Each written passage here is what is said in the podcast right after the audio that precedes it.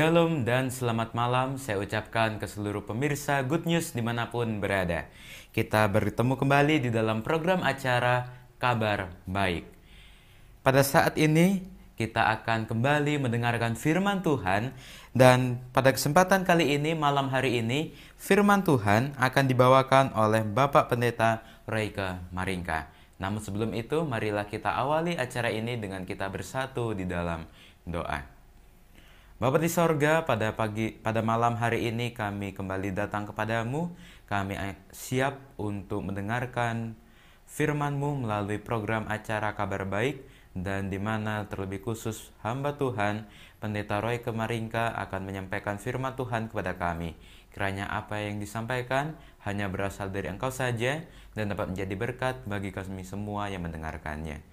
Kami serahkan acara ini dari awal pertengahan hingga pada akhirnya di dalam nama Tuhan Yesus kami berdoa. Amin. Baik, pada saat ini uh, saya akan menyapa terlebih dahulu uh, hamba Tuhan Bapak Pendeta Royke Maringka yang akan menyampaikan pekabaran firman Tuhan pada malam hari ini. Selamat malam Pak Pendeta. Selamat malam. Shalom. Iya. Ariel. Bagaimana kabar Pak Pendeta pada malam hari ini? Kabar baik. Amin. Puji Tuhan, luar biasa. Puji Tuhan. Apa kabar, Saudara Ariel? Baik-baik, puji Tuhan, Pak Pendeta. Baik, Pak Pendeta, uh, saya mau bertanya terlebih dahulu terkait dengan judul pembahasan kita atau judul renungan kita pada malam hari ini, yaitu ketika Yesus berkata, wah ini agak sulit ini Pak Pendeta. Mohon maaf kalau salah ya Pak Pendeta. Tarseo mi pobeste. Betul begitu ya Pak Pendeta? Nah, betul. Oke. Okay. Uh, eh, mungkin apa judul maksud dari judul ini Pak Pendeta? Uh, jadi judul ini nanti akan lebih jelas ketika saya menyampaikan khotbahnya ya. Namun uh, intinya adalah bagaimana pertolongan Tuhan ketika kita menghadapi masalah. Masalah yang besar yang uh, datang melanda kehidupan kita dan di sana ada Tuhan. Dan ketika Tuhan berkata perkataan ini, maka ada jalan keluar yang akan kita dapatkan. Oke, amin. Puji Tuhan. Dari intinya saja sudah uh, sangat menarik, apalagi nanti pembahasan firman Tuhan yang akan disampaikan oleh Pak Pendeta um, akan sangat menarik dan sangat memberkati kita semua. Baik, sebelum Pak Pendeta Roy kan nanti akan menyampaikan firman Tuhan, saya akan menyampaikan sedikit perkenalan tentang beliau. Beliau adalah Pendeta Royke Maringka dan pendidikan ditamatkan di Unclub pada bulan Mei tahun 2009. Nah, pelayanannya beliau di daerah Conference DKI Jakarta dan sekitarnya yaitu pada tahun 2009 sampai 2010 adalah Wakil Gembala Jemaat Tumoto Imperium Jakarta. Tahun 2011 sampai 2012, beliau adalah sebagai Gembala Jemaat Tumoto Alpha Omega Cibubur. Pada tahun 2013 sampai 2014, beliau melayani sebagai Gembala Jemaat Reni Jaya Tangerang Selatan. Dan setelah itu beliau berpindah ke Conference Jawa Kawasan Timur dan pada tahun 2015 sebagai wakil gembala dan ceplin jemaat dan sekolah Dieng, Kota Malang. Kemudian tahun 2016 sampai 2021 Gembala Jemaat Sukerjo dan Jemaat Piskal Pandaan Kabupaten Pasuruan sampai dengan uh, hari ini. Dan saat ini beliau adalah sebagai Gembala Jemaat Sukerjo dan juga Jemaat Pisga Pandaan. Nah, untuk lokasinya adalah di sekitar uh, Pandaan dan juga Sukorejo, Jawa Timur, dekat dengan Pasuruan, Jawa Timur. Nah, baik untuk menyingkat waktu, kita akan langsung saja mendengarkan pekabaran firman Tuhan pada malam hari ini yang akan disampaikan oleh Mbak Pendeta Royke Maringka. Silakan Pak Pendeta. Baik, terima kasih. Shalom, selamat malam saya ucapkan untuk pemirsa Good News di mana pun saudara berada dan juga uh, pendeta Cornedi dan juga saudara Ariel yang ada di studio. Sebelum kita mendengarkan firman Tuhan, mari kita berdoa. Bapa di surga, kami siap untuk mendengarkan firman-Mu, urapilah hambamu, dan juga urapilah semua yang mendengarkan pekabaran firman Tuhan atau ibadah yang kami adakan pada malam hari ini. Dan hambamu tidak dapat menjangkau semua, tetapi roh kudus dapat menjangkau semuanya. Dan biarlah firman Tuhan ini dapat memberikan kekuatan iman dan membawa kami lebih yakin percaya akan pertolongan Tuhan. Terima kasih Bapak di sorga, ampunlah dosa kami, di dalam nama Tuhan Yesus kami telah berdoa. Amin.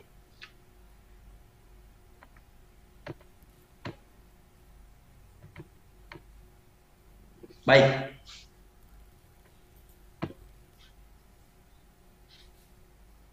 Judul firman Tuhan kita pada malam hari ini adalah ketika Yesus berkata, Tarseome pobeiste.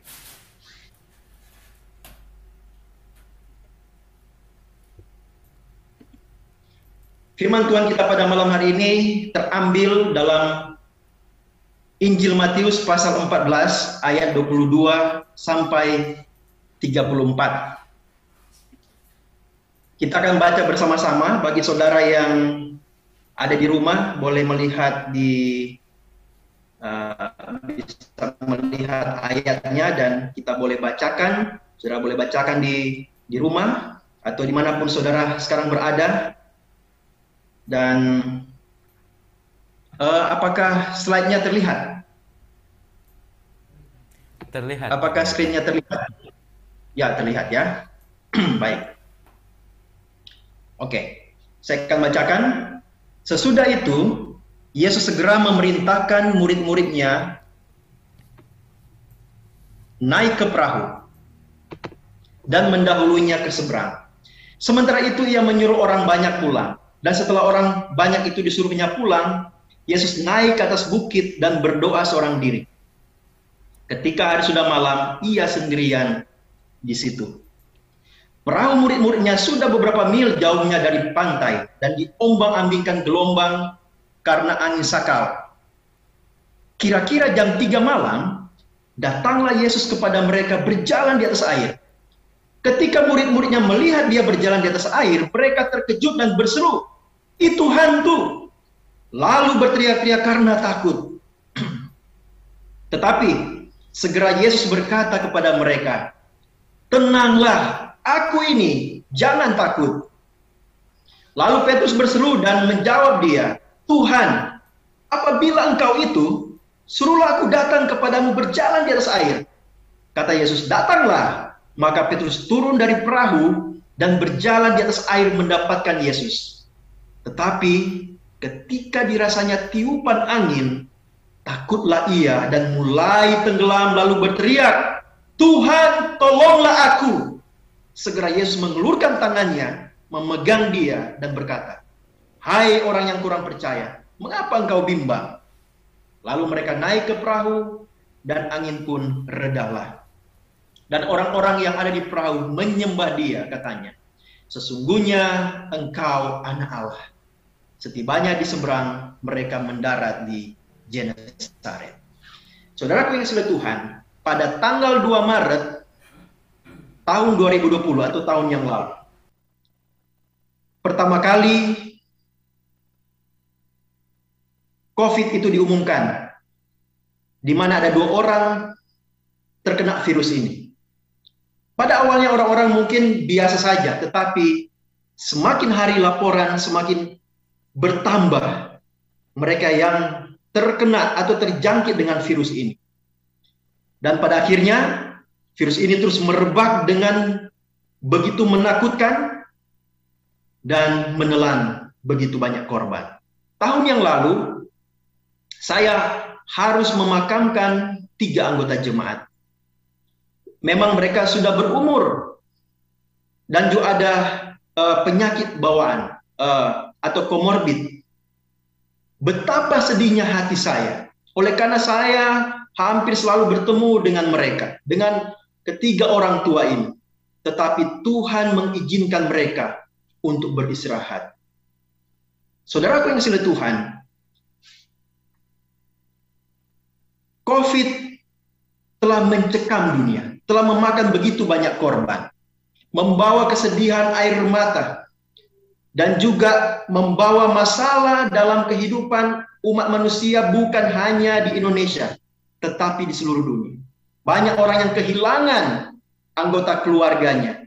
Juga ekonomi hancur. Banyak orang yang tidak punya pekerjaan. Masalah demi masalah datang. Dan inilah yang terjadi yang kita hadapi, fakta dalam kehidupan ini. Puji Tuhan, tahun ini uh, COVID sudah mulai melandai.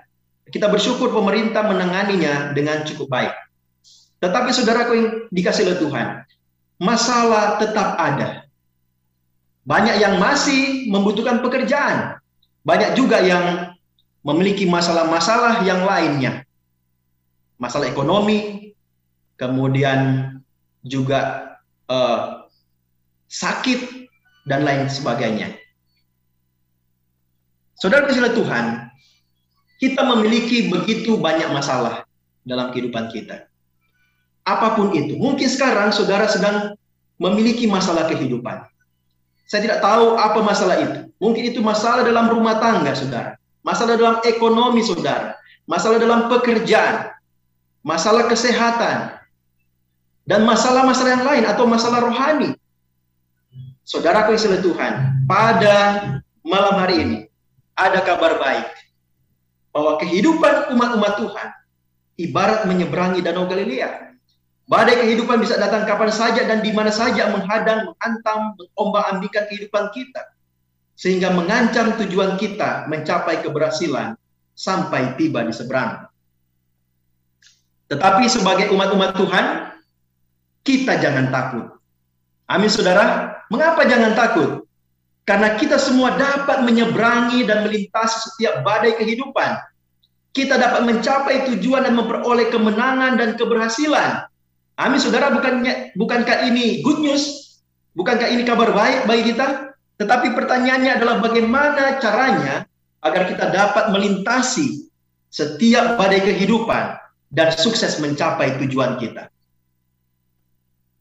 Saudara yang dikasih oleh Tuhan, pemirsa Good News Broadcasting di mana pun saudara berada.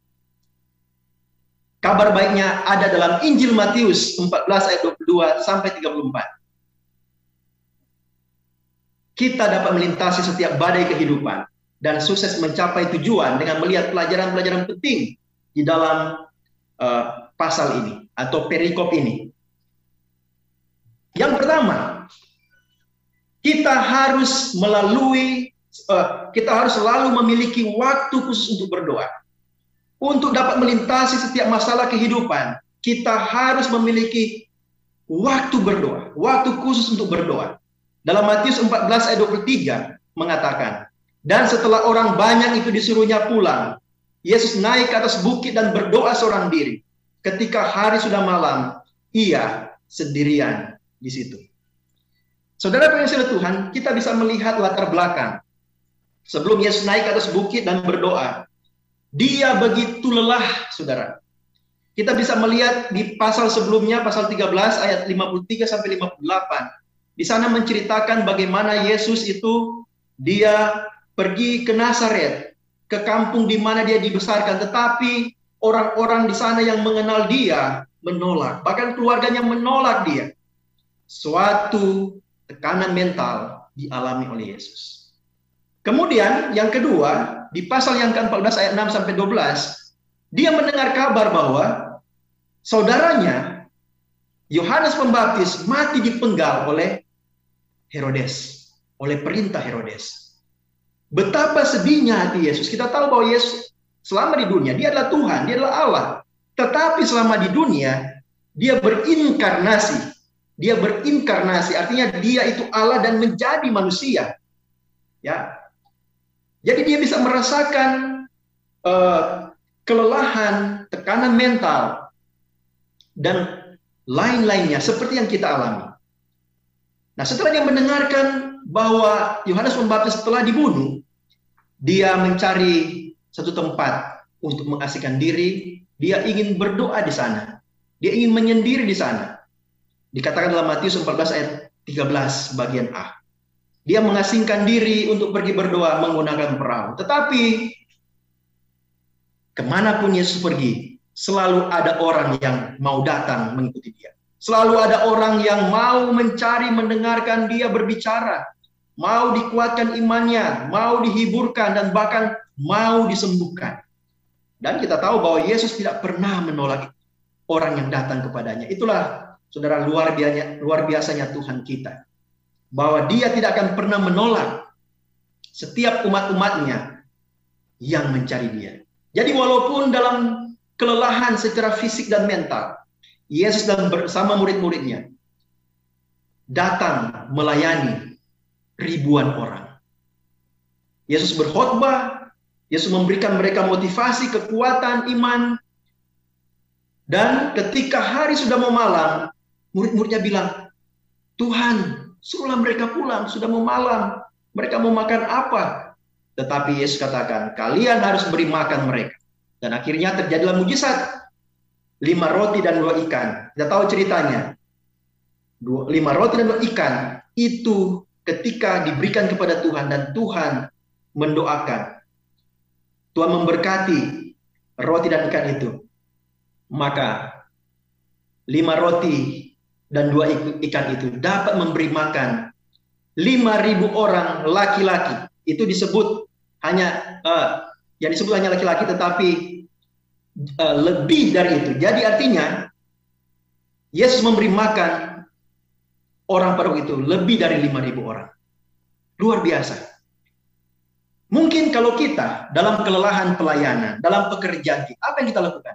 Kita mungkin lebih memilih untuk langsung pergi pulang, ya tidur, ya, bersantai. Walaupun eh, kadang-kadang kita lupa berdoa. Tetapi Yesus, dia di dalam kelelahannya, Yesus naik ke bukit dan ia pergi berdoa seorang diri. Saudara yang Tuhan, cara yang terbaik ketika kita mengalami masalah kehidupan, ketika kita mengalami kelelahan dalam beban kehidupan kita, yang datang silih berganti adalah berdoa. Kita harus berdoa, saudara. Dan harus memiliki waktu khusus untuk berdoa. Kita tahu dalam Markus 1:35 mengatakan, waktu hari masih gelap, pagi-pagi benar Yesus pergi berdoa seorang diri. Itulah kebiasaan dari Yesus. Dia selalu berdoa seorang diri. Kenapa dia uh, berdoa seorang diri? Karena dia selama di dunia, dia harus menjadi manusia. Jadi dia harus bergantung penuh kepada Bapa di sorga, kepada Allah Bapa. Jadi cara Yesus memulihkan fisik dan mentalnya yang lelah dan menguatkan kerohaniannya adalah menyendiri dan berdoa kepada Bapa di sorga. Mungkin kita berdoa pada pagi hari, bangun, sudah seperti rutinitas. Kemudian doa makan, kemudian pulang lelah dari pekerjaan, bahkan kita lupa lupa berdoa. Tetapi saudaraku yang sudah Tuhan, kalau kita mau bisa melintasi badai kehidupan, masalah apa pun, yang pertama kita harus selalu berdoa. Kita harus memiliki waktu yang khusus untuk berdoa agar supaya kita dapat melintasi segala macam badai kehidupan. Yesus dapat berjalan di atas air. Kenapa? Oleh karena dia bergantung kepada Bapa, bukan karena dia Tuhan. Dia harus jadi manusia selama di dunia, tetapi dia memohon kuasa dan Tuhan memberikan kuasa kepada dia sehingga dia dapat berjalan di atas air. Nah, kalau Yesus dalam keadaan lelah, ya, mencari waktu untuk berdoa, bagaimana dengan kita? Ya, kita harus meneladani apa yang Yesus kata, eh, yang Yesus lakukan. Di dalam Matius 26 ayat 41 mengatakan, Berjaga-jagalah dan berdoalah supaya kamu jangan jatuh ke dalam pencobaan. Roh memang penurut tetapi daging lemah. Jadi saudara, kalau kita tidak berdoa, bahayanya adalah kita jatuh dalam pencobaan. Jadi kita harus berjaga-jaga dan berdoa selalu.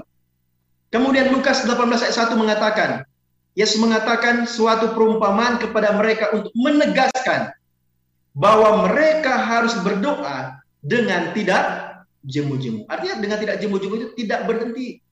Terus menerus.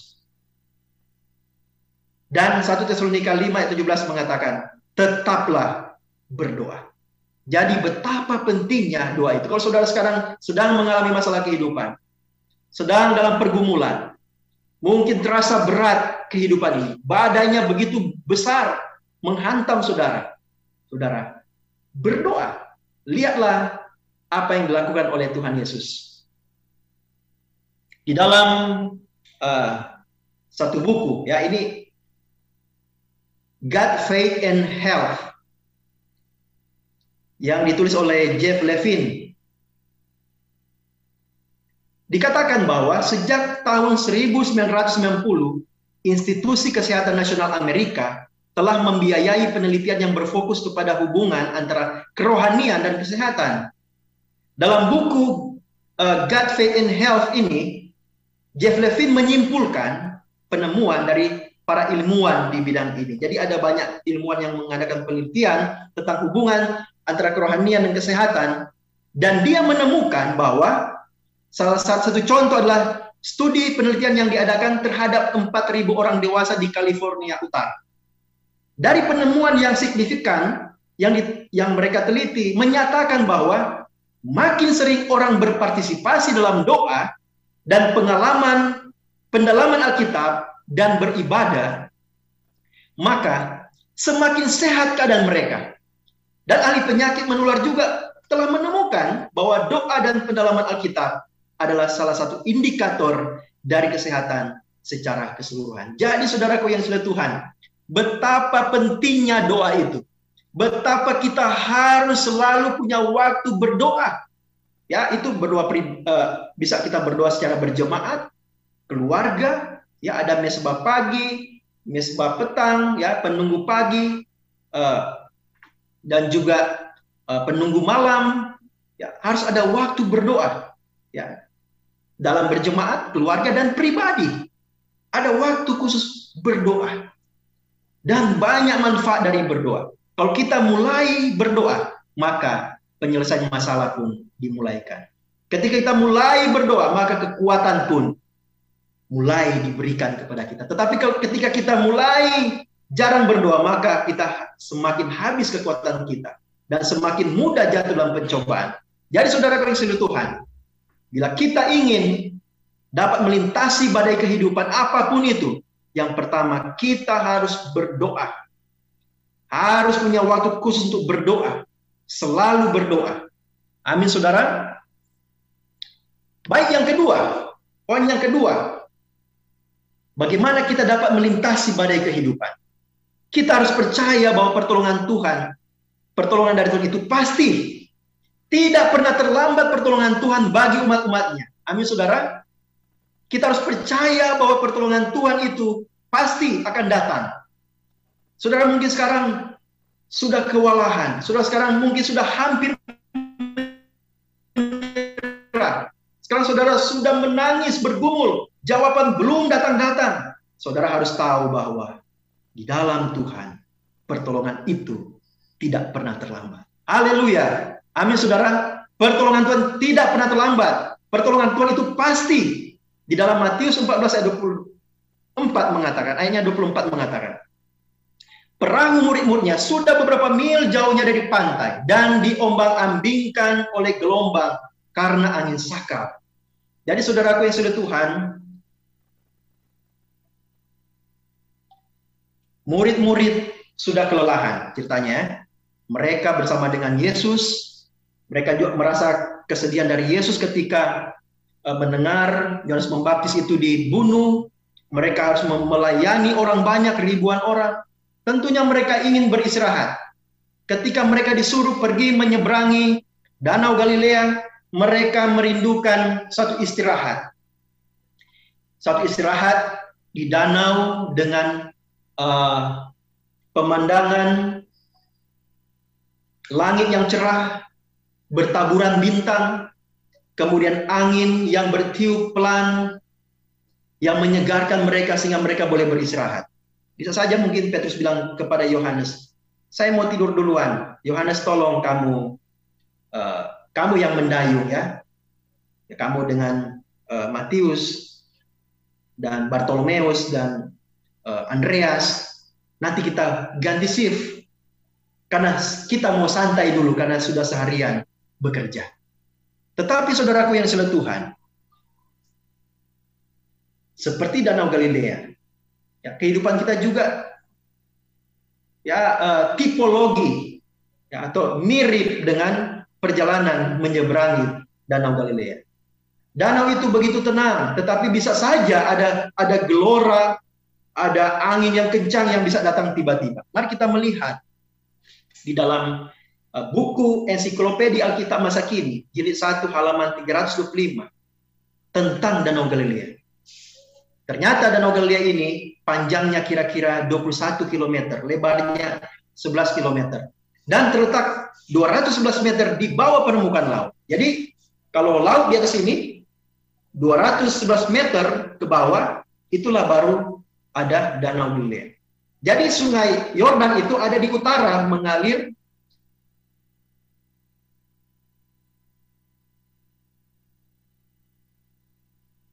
uh, laut mati ya. Jadi makanya laut mati terus ke bawah. Nah, Danau Galilea ini berada di lembah Yordan dan dikelilingi oleh bukit-bukit sehingga nah karena ada dikelilingi bukit-bukit dan di lembah, nah inilah yang membuatnya ber, beroleh yang disebut dengan angin kering yang bisa meniup turun dan tiba-tiba badai bisa datang sekonyong-konyong.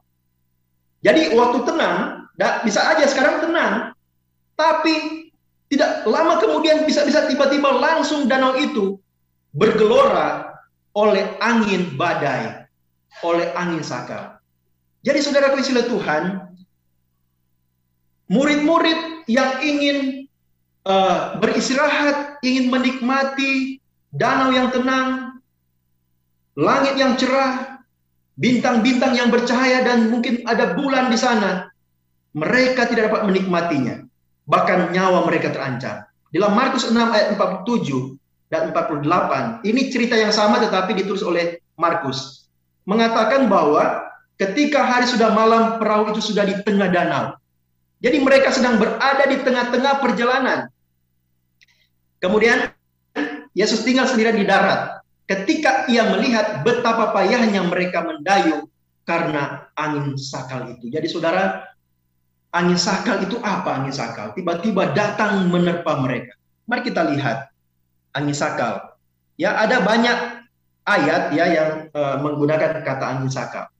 Angin sakal ini dalam bahasa Yunani atau uh, Greka bahasa aslinya itu disebut anemos.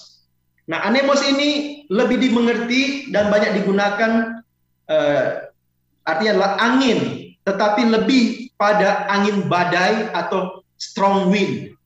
Ya, angin yang kuat. Nah, ada banyak ayat tapi tiga ayat saja yang saya mau sampaikan uh, berhubungan dengan anemos ini atau angin badai ini. Nah, kata ini digunakan dalam perumpamaan tentang angin kencang yang menguji rumah yang didirikan di atas batu dan di atas pasir mengguna, uh, jadi menggunakan kata anemos. Jadi kita ingat yang bodoh dirikan rumah di pasir, kemudian yang pinter dirikan rumah di atas batu. Angin badai datang, yang didirikan di atas pasir itu pun roboh. Nah, kata ini digunakan di perumpamaan atau pernyataan Yesus waktu itu ya. Kemudian kata anemos juga digunakan yang uh, menggambarkan kerasnya angin badai waktu kapal yang membawa Rasul Paulus waktu uh, dia ditawan kemudian di, mau dibawa ke satu tempat kapal itu dihantam oleh angin badai sehingga kapal itu kandas. Nah, angin disebutkan sini juga anemos. Sama seperti angin di Danau Galilea. Kemudian uh, peristiwa Laut Merah terbelah dua. Nah ini harusnya bahasa Ibrani ya, bahasa perjanjian lama, tetapi ada yang disebut dengan Septuaginta, perjanjian lama yang diterjemahkan ke perjanjian bahasa perjanjian baru atau bahasa Greka atau Yunani. Kata yang digunakan angin kencang yang membelah Laut Merah itu adalah anemos.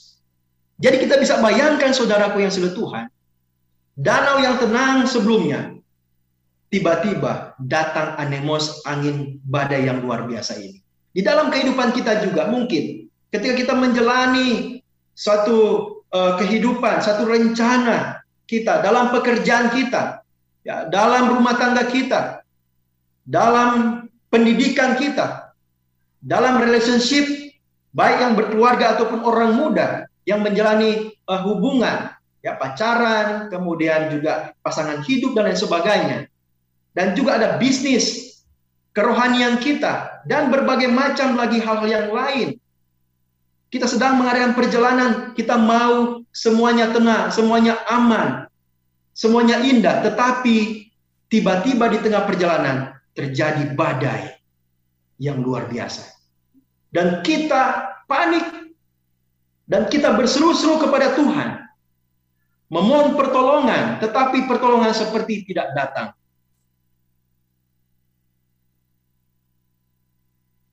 Dalam kehidupan kita, badai kehidupan bisa datang tiba-tiba atau sekonyong-konyong. Nah, di sini kita lihat, bahkan badai masalah kehidupan terjadi saat kita sedang mengikuti perintah dan kehendak Yesus. Benar saudara, mungkin saudara, saya sudah setia ya Tuhan. Saya rajin ke gereja, saya rajin beribadah, saya rajin berdoa. Saya suka menolong orang lain, saya berbuat baik kepada orang lain. Ya, saya rajin memberikan persembahan dan banyak hal-hal yang uh, sudah-sudah lakukan. Tetapi kenapa badai ini terjadi dalam kehidupan saudara?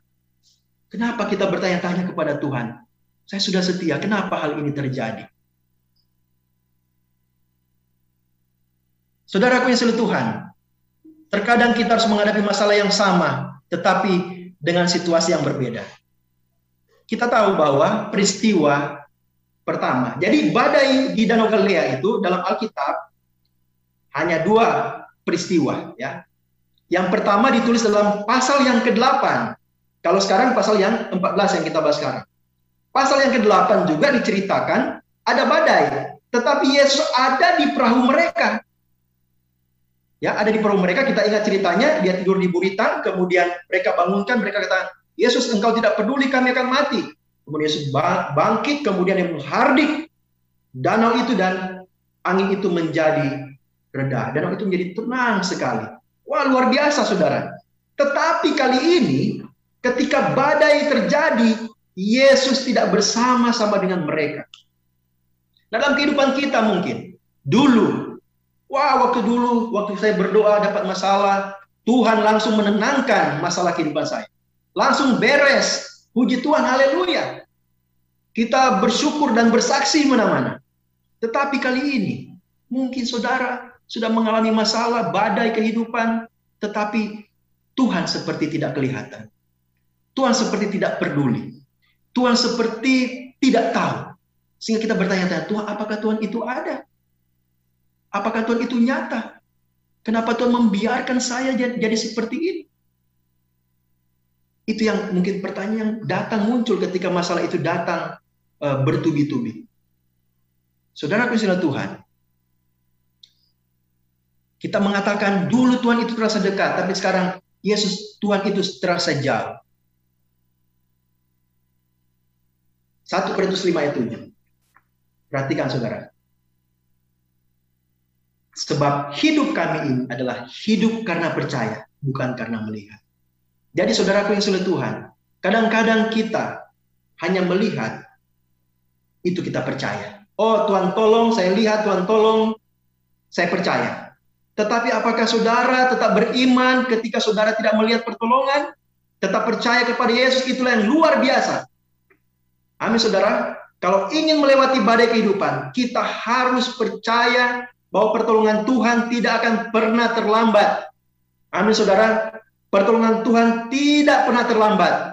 Dia pasti datang menolong kita. Yang penting pertanyaannya adalah apakah kita tetap yakin kepadanya walaupun kita belum melihat. Itulah iman. 2 Korintus 5 ayat 7 mengatakan sebab hidup kami ini Paulus mengatakan adalah hidup karena apa Saudara? Percaya bukan karena melihat. Ibrani 11 ayat 1 mengatakan iman adalah dasar dari segala sesuatu yang kita harapkan dan bukti dari segala sesuatu yang tidak kita lihat. Ya, saudara, kalau kita ikut Tuhan, percaya dengan iman, apa pun yang terjadi, kita yakin Tuhan pasti menolong. Apa yang kita belum lihat, tetapi kita yakin ada. Tuhan itu ada untuk kita. Dalam Yohanes 20 ayat 29 mengatakan, kata Yesus kepadanya, karena engkau telah melihat aku, maka engkau percaya. Berbahagialah mereka yang tidak melihat, namun percaya. Haleluya.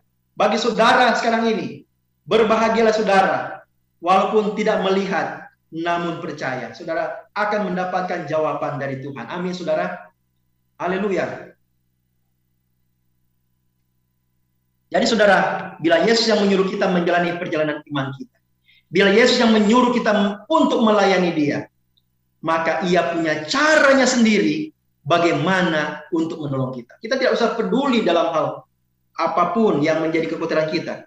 Kalau kita menjalani iman bersama Tuhan, apalagi Tuhan yang suruh kita dalam melayani menjalani iman ini, Tuhan punya urusan menolong kita. Tuhan punya caranya, bukan cara kita. Kadang-kadang kita mau paksa-paksa Tuhan untuk tolong kita dengan cara kita. Ya.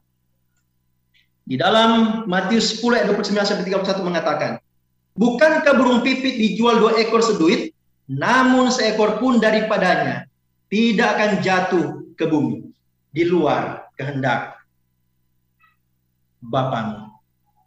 Dan kamu rambut kepalamu pun terhitung semuanya. Sebab itu janganlah kamu takut karena kamu lebih berharga daripada banyak burung pipit. Kita tahu burung pipit begitu banyak. Kalau kita pergi ke ladang, eh, ke sawah yang ditanami padi-padi, burung pipit itu ribuan, ratusan ribuan. Bayangkan di seluruh dunia ini betapa banyaknya burung pipit. Tetapi Tuhan katakan bahwa satu ekor pun tidak akan kalau jatuh Tuhan pasti tahu. Apalagi kita saudara, kita ciptaannya yang mulia, umat pilihannya. Masa kan dia tidak tahu masalah kita? Hanya apakah kita percaya yakin kepada dia? Itu pertanyaannya saudara. Dan rambut kepalamu pun terhitung semua. Saudara bisa hitung rambut? Tuhan tahu detail kita. Artinya Tuhan peduli sampai ke rambut. Satu helai rambut, dia tahu. Artinya dia mengasihi kita. Dia tidak akan membiarkan kita. Dia tidak akan uh, membiarkan kita sel, uh, mengalami masalah terus-menerus. Pertolongan itu pasti datang. Saya mau ceritakan di jemaat saya. Waktu COVID terjadi, uh, banyak yang takut juga ya, takut untuk pergi melawat, pergi berdoa karena takut terjangkit. Ya, tetapi saya juga pergi dengan ada beberapa anggota jemaat, kami pergi mendoakan walaupun harus jaga jarak dan harus menggunakan uh, prokes yang ketat ya. Nah, ada satu kesaksian, saya sudah bicara dengan uh, anggota jemaat saya ini, saya katakan boleh saya saksikan pengalaman dari Bapak dan keluarga. Oh ya boleh pendeta. Nah, tahun yang lalu uh, keluarga ini punya satu perusahaan. Tahun yang lalu mereka bingung bagaimana. Karena uh, ada aturan-aturan yang diberikan oleh pemerintah, di mana itu tentunya membuat perusahaan mereka ini, produksi mereka, bagaimana mereka mau menjual uh, produk yang mereka produksi itu, dan ini masalah dalam keuangan mereka, dalam uh, berjalannya uh, perusahaan mereka. Mereka kemudian bagaimana ini karyawan-karyawan sudah harus di PHK. Mereka katakan kepada saya, bagaimana pendeta? Saya bilang, berdoa. Pertolongan Tuhan pasti datang. Datang kepada Tuhan. Tuhan pasti, semua di dunia ini mengalami masalah yang sama. Tetapi kalau kita mau mencari Tuhan, Tuhan akan memberikan jalan keluar. Dan benar, saudara, mereka berpikir, ah, kita mau istirahat saja, kita mau PHK, ini karyawan, dikasih pesangon, kemudian mereka mau uh, istirahat, ya tidak tahu sampai kapan COVID ini akan berakhir. Mereka bergumul, bergumul saudara, tetapi kemudian Tuhan buka jalan. Pada akhirnya, uh, semua hasil produksi yang menumpuk ini yang belum bisa dijual, artinya belum, uh, mereka sudah mengeluarkan dana untuk bahan mentah, sudah jadi bahannya, tetapi mereka tidak bisa jual. Tetapi saudara, selama pandemi tahun yang lalu, Tuhan memberkati mereka sehingga mereka boleh menjual semua uh, uh, produk yang mereka hasilkan dan mereka memperoleh berkat yang luar biasa dari Tuhan. Dan bahkan mereka bisa membangun uh, lebih memperluas uh, perusahaan mereka atau uh, suatu tempat produksi atau gudang. Jadi luar biasa saudara. Ketika ada masalah datang, Tuhan tetap ada untuk kita. Hanya mungkin kita panik dan tidak percaya, oh bagaimana, apakah Tuhan itu ada, apakah Tuhan menolong kita. Kemudian uh, tahun ini ketika varian Delta menyerang, keluarga ini hampir semua kena COVID, saudara. Hampir semua kena COVID. Mereka sakit dan mereka bergumul kepada Tuhan. Bagaimana Tuhan? Mereka sakit kemudian apa yang terjadi? Ya banyak korban yang meninggal oleh karena varian Delta. Tapi mereka bergumul, mereka berserah kepada Tuhan. Mereka bilang, kami berserah kepada Tuhan. Tuhan tolong, terserah Tuhan. Tolong kami, tapi terserah Tuhan. Yang penting selamatkan jiwa kami. Selamatkan nyawa kami. Kami mau selamat di hadapan uh, Tuhan. Artinya mereka mau apa pun yang terjadi mereka diselamatkan oleh Tuhan. Dan saudara Tuhan mendengar doa mereka. Di dalam keadaan yang sulit, Tuhan memberkati. Mereka bisa memproduksi hasil dari perusahaan mereka itu. Produksinya berapa kali lipat dari biasanya. Nah saudara yang Tuhan, Tuhan tetap menolong kita di tengah badai. Hanya pertanyaannya adalah apakah kita percaya kepada dia? Apakah kita yakin akan dia? Kita yakin akan pertolongannya, tidak terlambat untuk kita.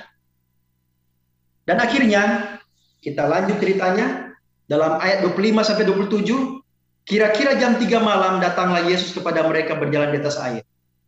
Ketika murid-muridnya melihat dia berjalan di atas air, mereka terkejut dan berseru, itu hantu. Lalu berteriak-teriak karena takut, tetapi karena segera Yesus berkata kepada mereka, tenanglah, aku ini, jangan takut. Saudara yang dikasih Tuhan, sering kali badai kehidupan masalah membuat kita tidak dapat mengenal kehadiran Tuhan. Murid-murid datang pertolongan, tapi murid-murid pikir itu hantu. Nah kadang-kadang kita juga ketika kita panik, akal sehat kita sudah tidak bekerja, ya, ya memang kalau berjalan atas air ya kita pikir itu hantu ya. Kalau saya juga jadi murid-murid, saya mungkin pikir itu Tuhan itu hantu, padahal dia adalah Tuhan. Tetapi itulah manusia kita, Ya. Nah, kadang-kadang kita masalah kehidupan yang terlalu berat membuat kita tidak menyadari bahwa pertolongan itu sebenarnya sudah datang. Sementara datang, tapi karena terlalu panik, kita menjadi seperti itu. Ya. Dan mungkin murid-murid berpikir Yesus datang dengan perahu. Karena Yesus mengatakan ia akan menyusul mereka, tapi Yesus datang dengan cara yang lain yang mereka tak duga. Jadi Yesus datang dengan apa, saudara? Menolong mereka dengan cara berjalan di atas air. Mungkin kita juga berpikir kalau kita jadi murid-murid, ya kita pikir kan Yesus bilang uh, apa lebih dahulu lah, lebih dulu menyeberang. Kita pasti berpikir Yesus pasti datang dengan perahu. Tidak kepikiran Yesus akan datang dengan berjalan di atas air. Jadi saudaraku yang sungguh Tuhan, apa yang kita bisa ambil di sini? Yesus menolong kita dengan caranya sendiri. Kita tidak boleh paksa Tuhan untuk menolong kita dengan cara kita. Amin saudara. Terkadang pertolongan Tuhan datang dengan cara yang tak terduga atau aneh dan tidak normal. Ya benar. Yesus datang di atas berjalan di atas air. Nah, kadang-kadang kita mau gini ya. Seringkali kita pikir Tuhan, saya punya masalah ini. Saya mau Tuhan tolong dengan cara saya seperti ini. Memang ya kadang-kadang kita minta tolong Tuhan dengan cara kita. Tuhan boleh enggak uh, saya punya masalah ini bisa enggak Tuhan tolong dengan cara ini? Ya kadang-kadang Tuhan kabulkan. Tetapi saudara, Tuhan menolong kita sering kali dengan caranya. Di luar dari pemikiran kita, cara Tuhan. Ya. Dan kita tidak boleh paksa bagaimana Tuhan menolong kita. Amin saudara. Yang pasti Tuhan akan menolong kita dan pertolongannya tidak pernah terlambat. Haleluya. Ya. Haleluya, puji Tuhan. Apa pun cara Tuhan, ia lebih tahu bagaimana cara untuk menolong kita. Jangan paksa Tuhan dengan cara kita. Tuhan tolong saya seperti ini, tolong saya seperti itu. Tidak, kita boleh kita boleh minta Tuhan kalau boleh. Tetapi biarlah cara Tuhan yang terjadi bagaimana menolong kita. Yang terpenting sini adalah apakah kita yakin dan percayakan janji firman atau tidak. Saudara kasihlah Tuhan. Poin yang kedua adalah bagaimana supaya kita dapat melintasi badai kehidupan adalah kita harus percaya, yakin bahwa pertolongan itu pasti tiba tepat pada waktu Tuhan. Roma 4 ayat 21 mengatakan, dengan penuh keyakinan bahwa Allah berkuasa untuk melaksanakan apa yang telah ia janjikan. Efesus 3:20 mengatakan, bagi dialah yang dapat melakukan jauh lebih banyak daripada apa yang kita doakan dan pikirkan, seperti yang ternyata dari kuasa yang bekerja di dalam kita. Jadi saudara, Allah itu berkuasa untuk melaksanakan apa yang dia sudah janjikan. Apa yang dijanjikan dia akan berikan kepada kita. Dan dia berkuasa untuk melaksanakan apa yang dia telah janjikan kepada saudara dan saya. Dan Efesus 3:20 mengatakan bahwa Allah dapat melakukan jauh lebih banyak dari apa yang kita doakan dan kita pikirkan. Jadi itulah Tuhan kita. Tuhan yang ajaib. Ya, Tuhan yang luar biasa. Tuhan yang heran. Ya, itu bahasa yang sering uh, kita dengar ya. Tuhan yang ajaib, Tuhan yang heran, sumber mujizat, Kemudian yang poin yang terakhir, bagaimana kita dapat melintasi badai kehidupan? Kita harus percaya dengan yakin dan pasti bahwa firman Tuhan dapat memberikan ketenangan dari semua badai kehidupan. Firman Tuhan, saudara. Ya.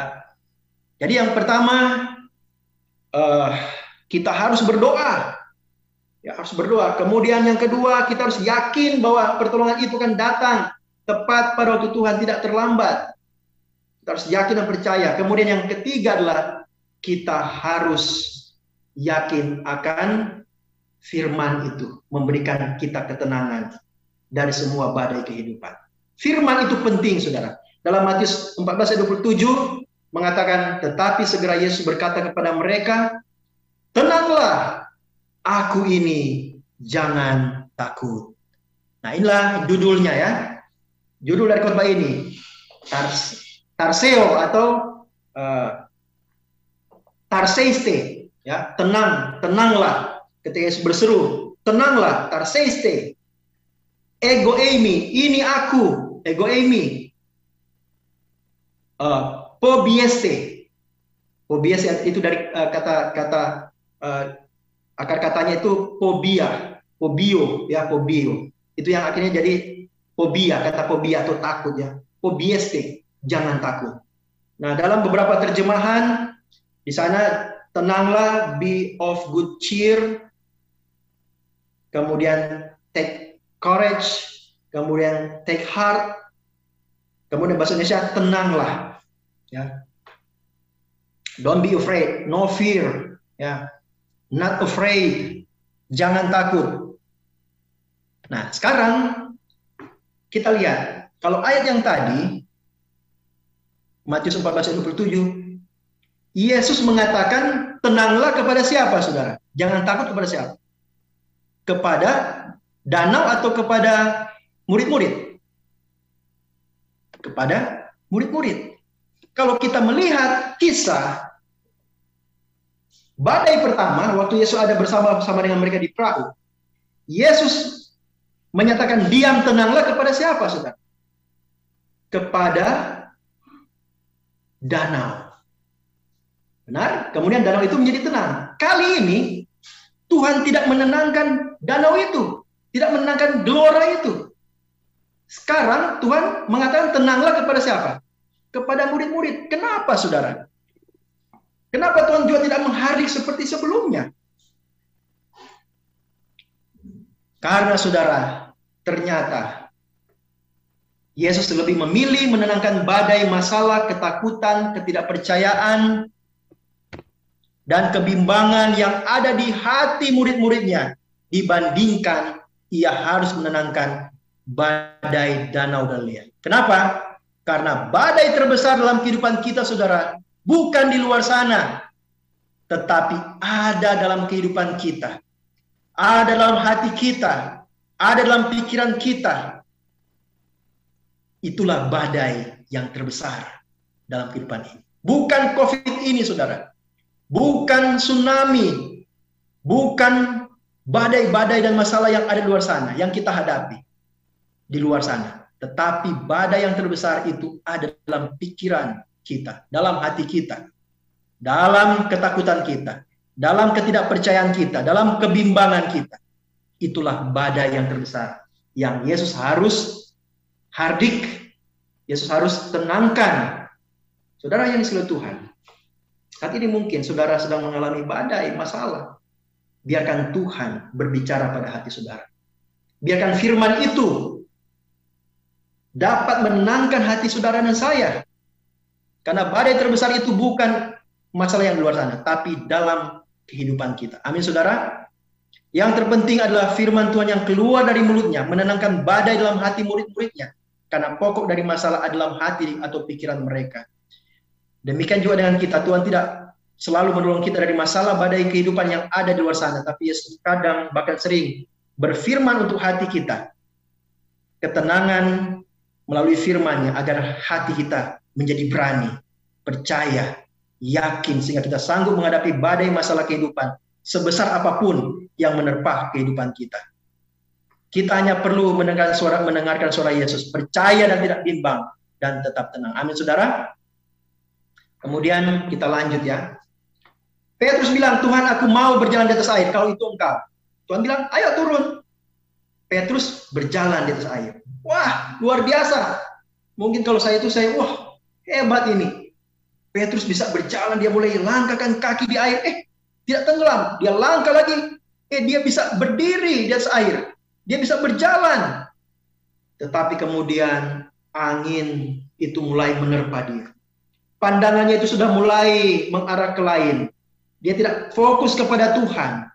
Dan akhirnya dia mulai tenggelam. Saudara, kalau Petrus bisa berjalan di atas air, kita juga bisa berjalan di atas air. Amin, saudara. Kita bisa berjalan di atas air. Air danau itu gelombang. Kalau Petrus bisa berjalan di atas gelombang, kita juga dapat berjalan di atas gelombang. Amin, saudara. Kita dapat berjalan-jalan di atas badai kehidupan. Haleluya, amin. Saudara, kalau Petrus dapat berjalan di atas badai, kita juga dapat berjalan jalan di atas badai kehidupan. Itulah pelajaran yang kita bisa ambil. Jadi masalah yang kita hadapi itu kita dapat berjalan di atasnya. Asalkan kita, pandangan kita tetap kepada Yesus. Kita tetap percaya. Kita yakin sepenuhnya, tidak bimbang. Tetapi Yes, uh, Petrus kita lihat, waktu dia mulai uh, berpaling pandangannya dari Yesus, maka dia mulai tenggelam. Kena angin, dia mulai tenggelam. Dan akhirnya dia minta tolong kepada Yesus, Yesus pegang tangannya, dan ditolonglah dia. Dan apa dikata oleh Tuhan Yesus? Hai orang yang kurang percaya, mengapa engkau bingung? Jadi saudara, kita dapat melintasi semua masalah kehidupan, semua badai kehidupan. Hanya masalahnya adalah kita kurang percaya, kadang sering kurang percaya. Kita kadang bahkan sering bimbang dengan janji firman Tuhan. Itulah sebabnya kita mulai tenggelam. Kita mulai tenggelam. Tapi ya syukurlah Tuhan itu selalu mau menolong. Ya sudah, kuncinya adalah kita harus percaya dan jangan bimbang. Yakin akan firman-Nya, maka kita dapat berjalan-jalan di atas badai. Haleluya. Ya.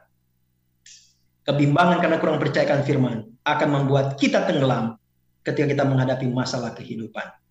Badai yang paling berbahaya bukan badai yang ada di luar sana, tapi badai ketidakpercayaan, badai kebimbangan yang ada dalam hati kita.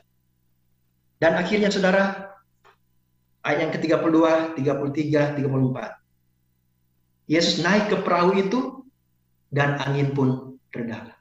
Yesus tidak perlu meredakan angin.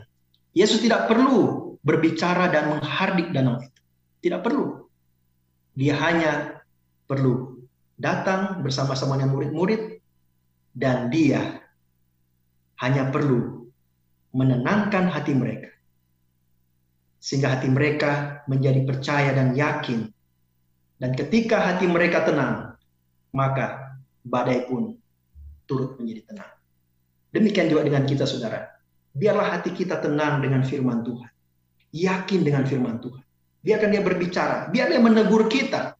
Biarkan dia menegur kita supaya hati kita menjadi percaya, yakin, tidak bimbang, dan kita menjadi tenang.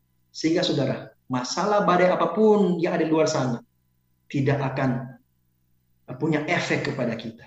Kenapa? Karena hati kita sudah tenang oleh karena firman Tuhan. Seorang hamba Tuhan yang bernama Ellen G. Dia seorang hamba Tuhan, penulis buku,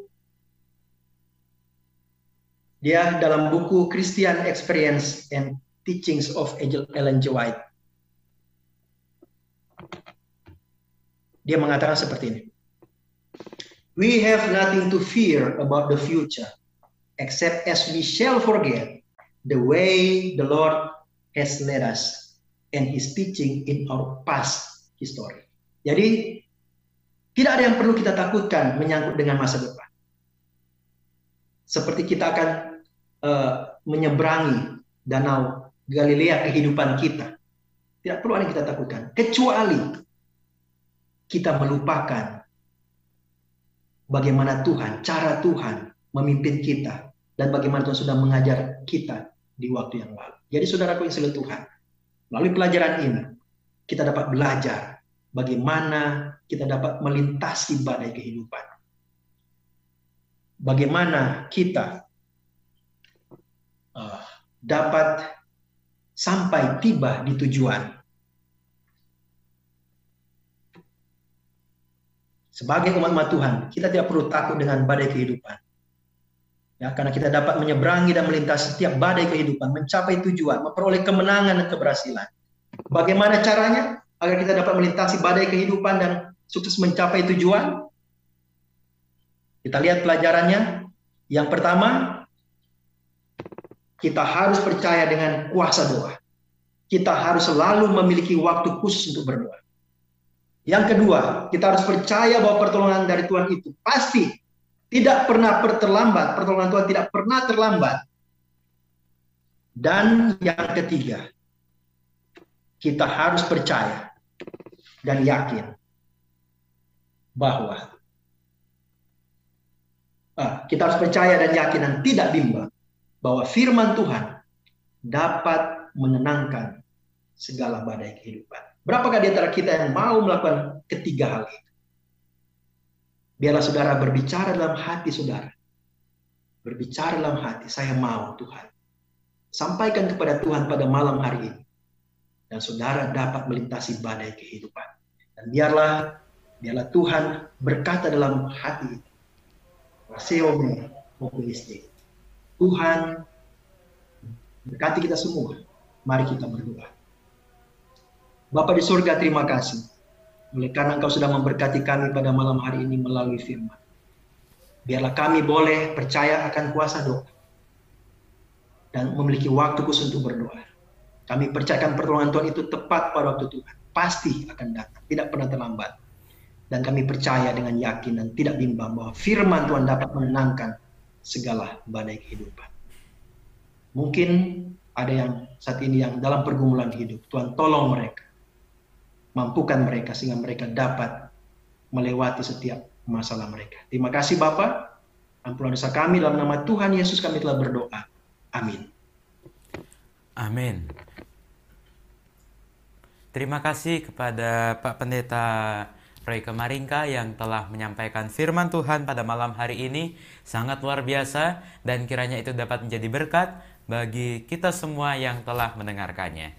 Baik Pak Pendeta, untuk waktu selanjutnya kita akan memasuki sesi doa dan untuk saat ini kita akan mendoakan permohonan-permohonan doa yang telah masuk yaitu minta tolong didoakan untuk saudara-saudara kita yang sedang dalam masa pemulihan dari sakitnya. seperti Ibu Indrawan dan Ibu Nathan yang ada di Jember dan juga uh, pernikahan dari saudari Cindy dan saudara Edi dan juga jiwa-jiwa yang uh, belajar dan yang akan dijangkau serta KKR distrik baik di distrik Jember ataupun di distrik-distrik yang lain di Conference Jawa kawasan timur ini. Dan juga uh, minta tolong didoakan untuk uh, Bapak Arifin yang saat ini sedang dalam proses pemulihan. Baik, uh, waktu selanjutnya mungkin Pak Pendeta Reika boleh pimpin kita di dalam doa syafaat. Baik, mari kita berdoa. Ya Tuhan Allah di sorga, kembali lagi kami datang kepadamu membawa pergumulan-pergumulan doa atau usulan doa. Kami berdoa ya Tuhan untuk nama-nama uh, yang disebutkan tadi oleh Saudara Ariel, uh, yaitu Ibu Indrawan, dan Nata, Ibu Nathan, dan juga Bapak Arifin, dan juga nama-nama lain yang sakit dalam pemulihan di mana pun mereka berada saat ini. Ketika mereka percaya dan yakin bahwa kuasa Tuhan itu tetap terjadi, maka mereka boleh memperoleh kekuatan kesehatan dan pemulihan. Dan tentunya mereka akan terus menjaga kesehatan mereka dan terus bersyukur kepada Tuhan, sumber kesembuhan. Bapak di surga kami berdoa juga Tuhan bagi mereka yang akan menikah dalam persiapan menikah. Tuhan akan tolong mereka agar supaya diberikan kelancaran sehingga acara itu boleh berjalan dengan baik oleh karena pertolongan Tuhan. Bagi orang-orang muda yang mencari pasangan hidup, Tuhan akan tolong menemukan pasangan hidup yang tepat, yang takut akan Tuhan. Yang mencari pekerjaan Tuhan akan berkati. Yang masalah ekonomi Tuhan akan tolong mereka. Dan juga dalam masalah Eh, rumah tangga, masalah keluarga Tuhan akan tolong berikan jalan keluar. Dan juga eh, pelayanan-pelayanan, KKR-KKR yang diadakan, dan pergumulan-pergumulan yang lain yang saat ini sedang menyaksikan, melihat acara ini, mengikuti ibadah ini. Tuhan akan tolong mereka melewati setiap badai kehidupan. Terima kasih Bapak di surga. Diberkati juga Good News Broadcasting ini akan digunakan oleh Tuhan untuk menjadi berkat di mana pun siaran ini disiarkan. Terima kasih Bapak, terpujilah namamu. Di dalam nama Tuhan Yesus kami telah berdoa dan memohon. Amin. Amin. Baik, terima kasih Pak Pendeta. Uh, mungkin sebelum kita berpisah, ada salam yang ingin disampaikan atau promosi yang ingin disampaikan?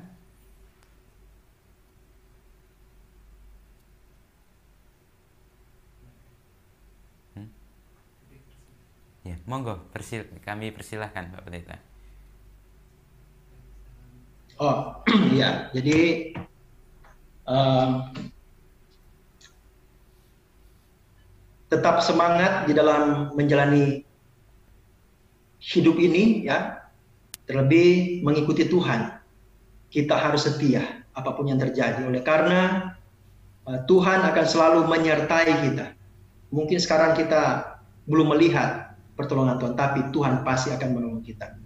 Dan uh, tetaplah selalu untuk mengikuti ibadah-ibadah, selalu aktif dalam pelayanan, dalam doa, hubungan pribadi dengan Tuhan, dan juga tentunya uh, dalam berkomunitas dengan dan berjemaat dalam eh, kelompok-kelompok uh, ibadah. Dan kita akan selalu dikuatkan sampai Tuhan datang, kita akan tetap setia dan kita akan diselamatkan.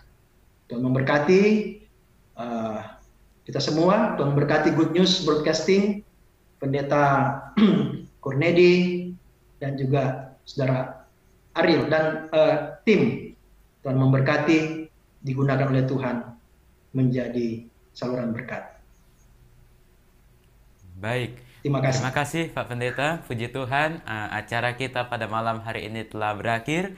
Kami mengucapkan terima kasih untuk Pak Pendeta Roy Kemaringka yang telah menyampaikan firman Tuhan serta mendoakan kita semua dan boleh menyisikan waktunya pada malam hari ini untuk membagikan berkat firman Tuhan bagi kita semua. Dan kami juga mengucapkan terima kasih untuk seluruh pemirsa Good News di mana pun berada yang telah menyaksikan acara ini hingga selesai. Dan untuk saudara-saudara pemirsa apabila ada yang ingin untuk disampaikan atau ingin berkomunikasi dengan kami, silakan untuk menyampaikannya melalui call center kami yaitu di nomor 0812 1844 0101.